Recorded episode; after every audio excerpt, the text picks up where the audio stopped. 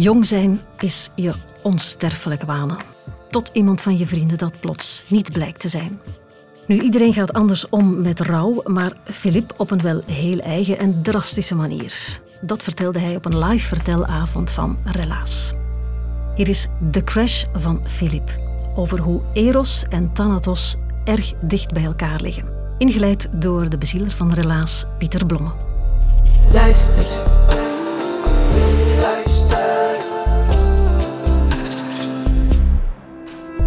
Dit is Relaas. In Relaas vertelt iemand een verhaal over iets dat hij zelf heeft meegemaakt.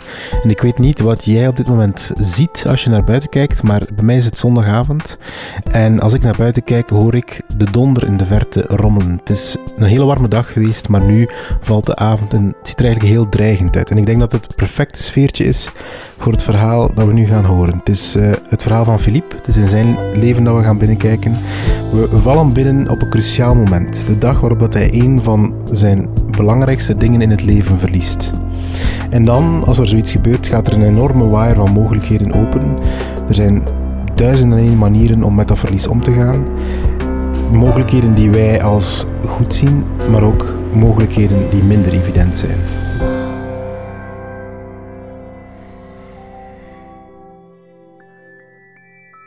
Het was uh, de dag dat voor mij de vakantie echt ging beginnen. Het was uh, eh, 3 juli 1996 en uh, ik had die een dag proclamatie. En uh, dan begint de vakantie, dan ga je daar naartoe. En ik zat in de tweede licentie klinische psychologie en het leukste kon beginnen, overmorgenjarig, een dag daarna Torhout Werchter enzovoorts.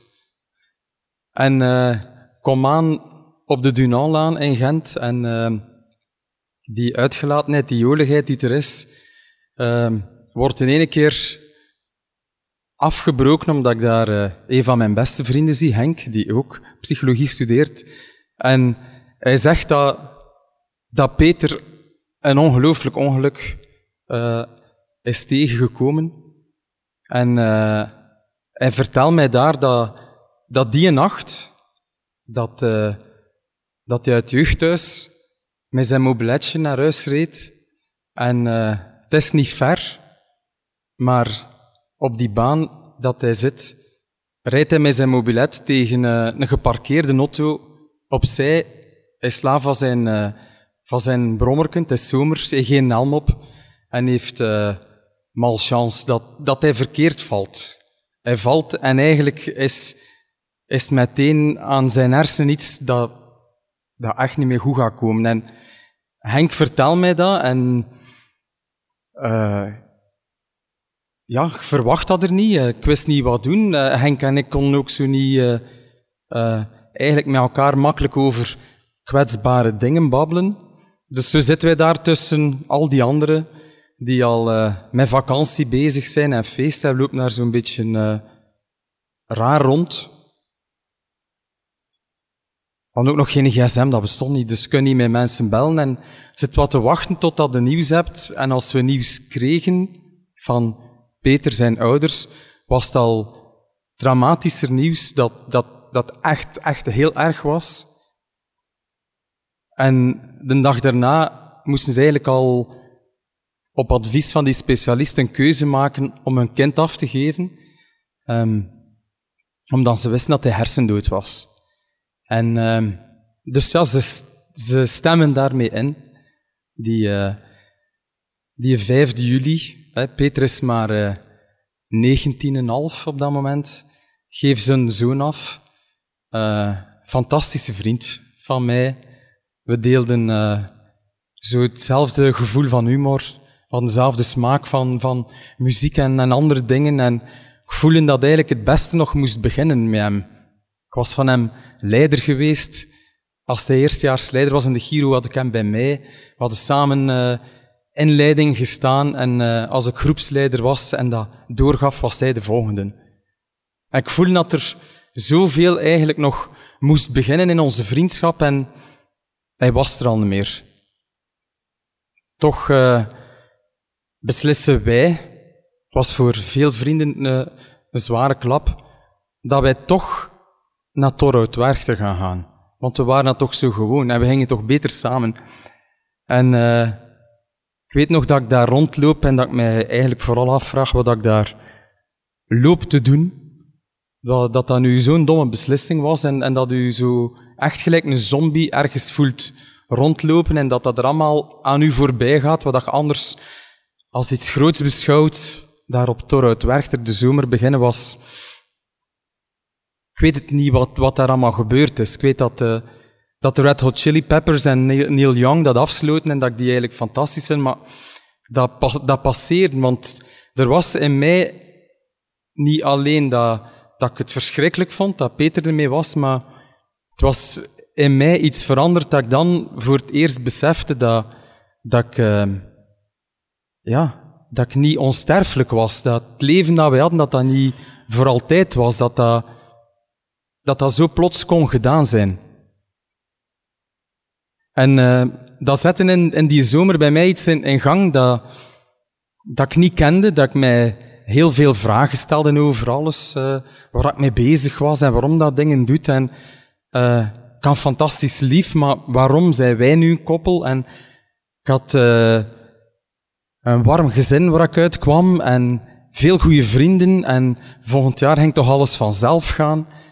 Um, dat leek allemaal vanzelf te gaan en uh, voor de buitenwereld was dat ook zo dat van uh, Philippe ziet wellicht af van uh, zijn vriend Peter, maar ik voel dat, dat er iets, iets, iets veel, veel dieper in mij zat te knagen dat ik niet kon delen. En dat lag, dat lag aan mij. Ik had dat gelijk niet geleerd. Um, en dat wordt zo'n een, een lastige herfst, waarin dat, dan, dat ik dan terug begin met de laatste licentie, mijn stage enzovoorts. Maar ik weet nog altijd niet waar ik echt mee bezig ben. Ik weet ook nog niet eens wat mijn thesis over ga maken. En ik vraag mij vooral af van, ik, wat, wat gaat er hierna gebeuren?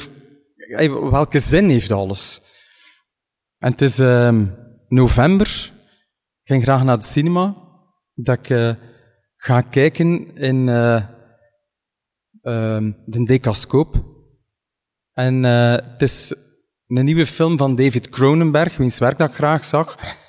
En Crash is uh, de film dat ik wil zien. En ik zit in die, in die, uh, in die zaal naar een film te kijken over um, een personage, James Ballard, die in een auto-ongeluk zit met zijn vrouw. En waar dat, bij dat auto-ongeluk eigenlijk iets loskomt. Een soort van uh, een seksueel genot. Iets, iets vrij raar dat hij in ene keer met een ander personage die daar vrij geobsedeerd door is, Vogan, iets begint te delen en hij komt in een, in een circuit terecht dat draait rond auto-ongelukken en seks. En ik zit naar een film te kijken die mij enorm fascineert. Um, en waarbij dat voor mij was nog vers, dat van Peter, maar je zit echt in, in, in, in een zaal, in die film.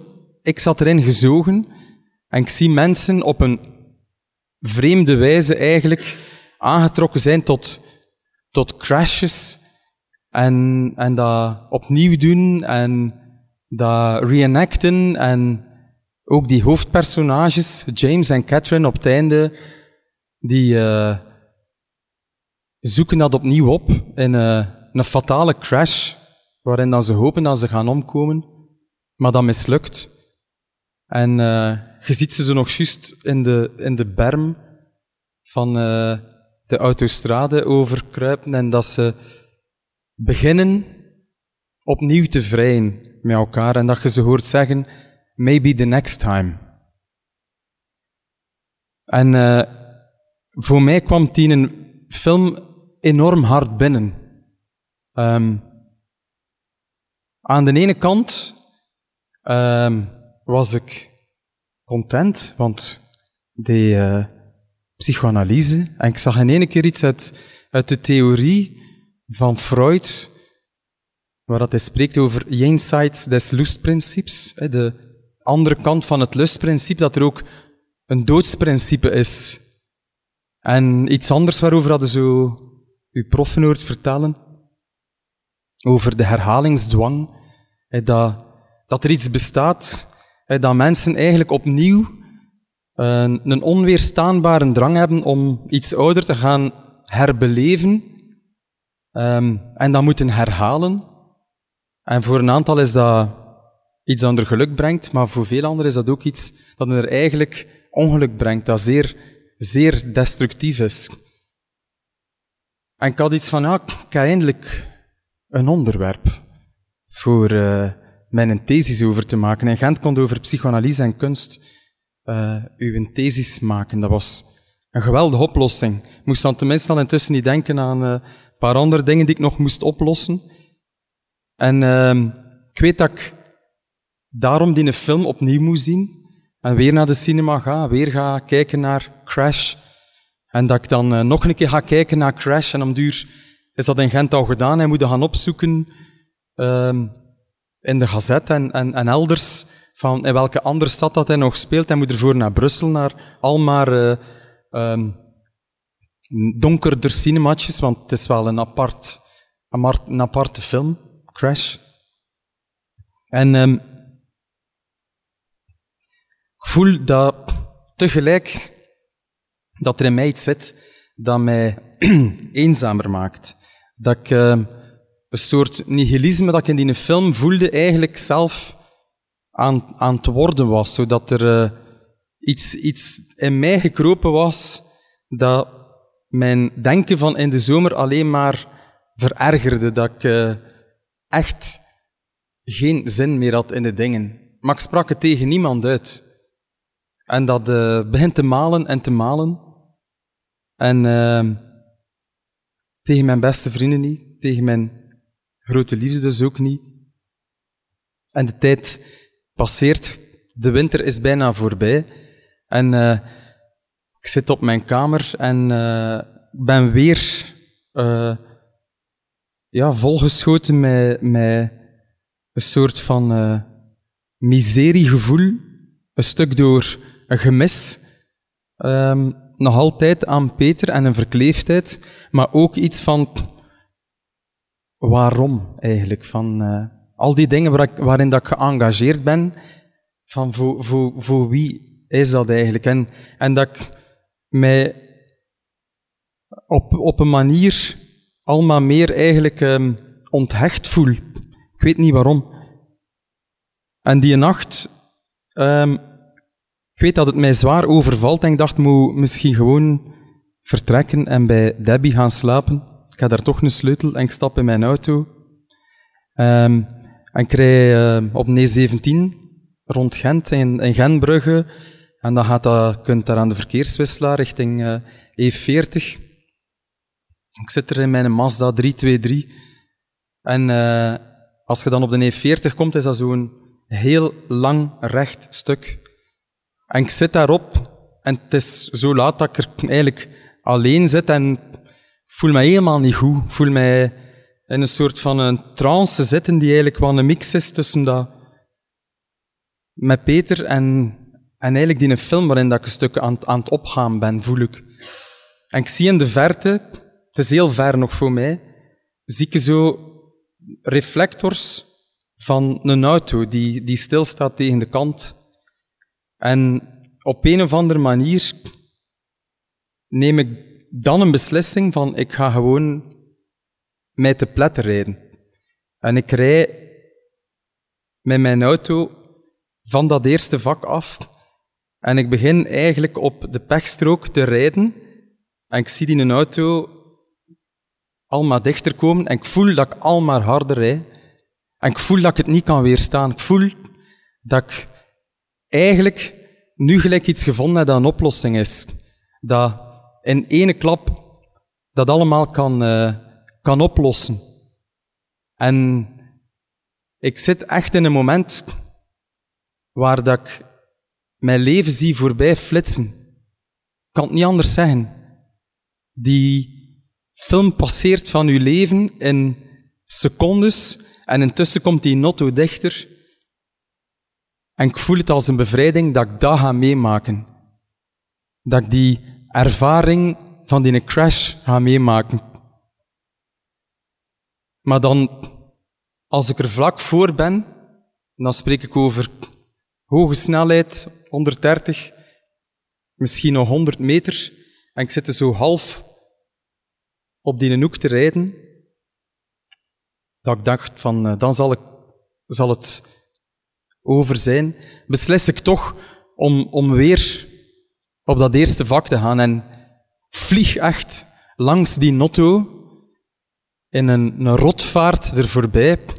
En ik voel een knal in mijn eigen als ik daar passeer, omdat ik voel aan wat ik net ben ontsnapt. Maar dat ontsnappen niet is als iets dat ik niet meer kon voorkomen, maar als een ontsnappen dat ik zelf voor een andere afslag gekozen had. En vlieg verder aan een hoge snelheid en krij af Gent-West, krij naar mijn lief, die ligt te slapen, kom er binnen met sleutelparkeer, ga binnen en kruip bij haar in bed en ik zit vol met, met een mix van, van adrenaline, emotie, maar kan er niet over vertellen. Ik voel dat iets is dat ik meegemaakt heb, maar dat ik alleen maar haar wil vastpakken en we beginnen te vrijen. En het is een, ongelooflijk, een ongelooflijke ervaring. Um, ik weet niet wat mate dat ik mij dan verbonden voelde met haar, maar het was alleszins heel anders dan ooit tevoren. En ook als ik wakker word, de dag erna, ik had weer geweend en zij verstond dat wel. Ze relateerde dat met, met Peter. Heb ik daar niet verteld.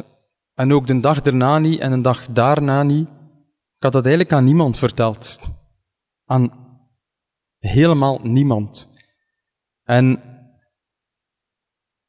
dacht dat dat voor mij eigenlijk voldoende was dat ik dat meegemaakt had. Zat ook in een milieu met mensen die allemaal psychologie doen, dus dacht dat ik daarover vertel, die gaan daar eens iets therapeutisch willen opleggen, wat ik nu moet gaan doen. Maar ik voelde vooral dat er in mij iets ongelooflijks was veranderd. Dat hoezeer dat ik eigenlijk uh, al een het leven voor mij uitgetekend stond, dat ik toch nog heel andere keuzes kon maken.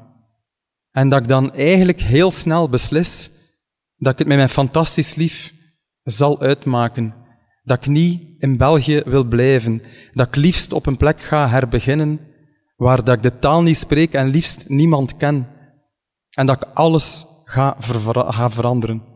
Dat ik op een of andere manier wil vervellen. En ik heb dat ook gedaan. Ik heb dan een aantal dingen veranderd, op mijn manier die een thesis afgemaakt, op het juiste moment dat tegen Debbie gezegd, en mijn familie enzovoorts. Maar eigenlijk heb ik aan niemand verteld wat dat daar aan de basis van lag. Niemand vroeg ook zo diep. Ze kwamen er mij dan natuurlijk vragen, maar ik vertel van ik wil vrijwilligerswerk gaan doen in Spanje. Was bij veelal, ze verstond dat, want je bent een geëngageerde gast. En dat was ook zo, maar het voelde zo als een, uh, een verlossing dat ik een andere weg gekozen had. Een weg waarvan ik niet wist waar dat hij mij zou brengen. Maar ik wist dat het iets nieuw ging brengen. En het is raar, maar ik voel dat ik op het moment dat ik naast die auto gegaan ben, dat ik eigenlijk een radicale keuze gemaakt heb voor het leven. En tot op vandaag voel ik dat zo, dat enorm hard in dingen kan opgaan, of dat nu werken, geliefden, andere engagementen is. Dat is gelijk dat ik daar een explosie in mij had, die in mij werkt en in mij iets, iets voorzet iets verder zet, dat uh, eigenlijk voor mij maar één ding betekent dat ik uh, op die moment dat ik uh, besefte dat ik maar één leven heb, dat mijn tweede leven is begonnen.